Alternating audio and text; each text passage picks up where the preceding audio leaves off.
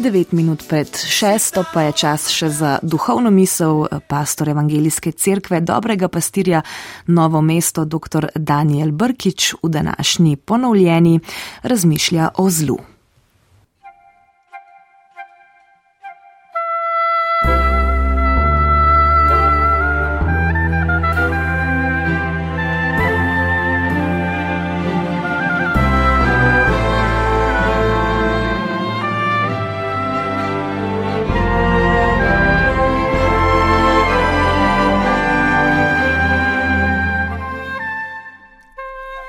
Vprašanje trpljenja je temeljni kamen ateizma. Kristijani trdimo, da ima Bog glede njega zadnjo besedo, vendar zakaj ne že zdaj? Zakaj bo obstoj zla opravičen šele v končni bodočnosti?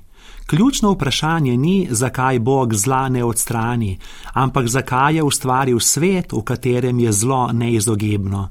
Bog je ustvaril svet iz ljubezni, ker božanska logika temelji na njej, ne pa na moči, zato je zlo cena božje ljubezni, ki želi svoboden odgovor iz ljubezni.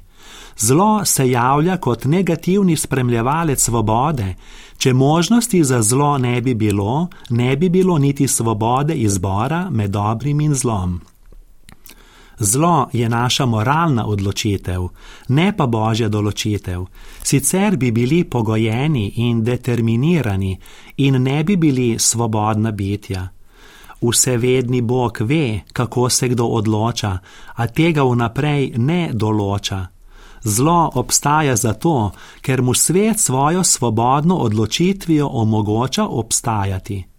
Zato je treba zavreči nesmiselne fantazme o Bogu, ki naj bi kot porednež pošiljal zlo, saj je Bog antizlo. Bog je svet ustvaril zato, ker zlo želi, hoče in more premagati. Vesolju je dal toliko popolnosti, kolikor jo lahko vesolje sprejme. Ista svoboda je Boga v ljubezni obvezala, da je bes do zlorabiteljev svobode usmeril proti sebi. Nihče drug, razen Bog odkupitelj, tega ne more narediti, zaradi tega je krščanstvo edinstveno. Ali tudi Bog trpi? Sveto pismo razkriva trojno božje trpljenje.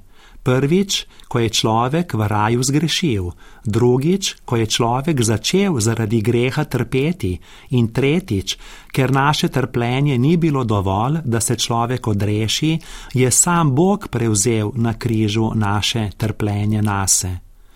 Bog je predhodnik vsakega trpljenja.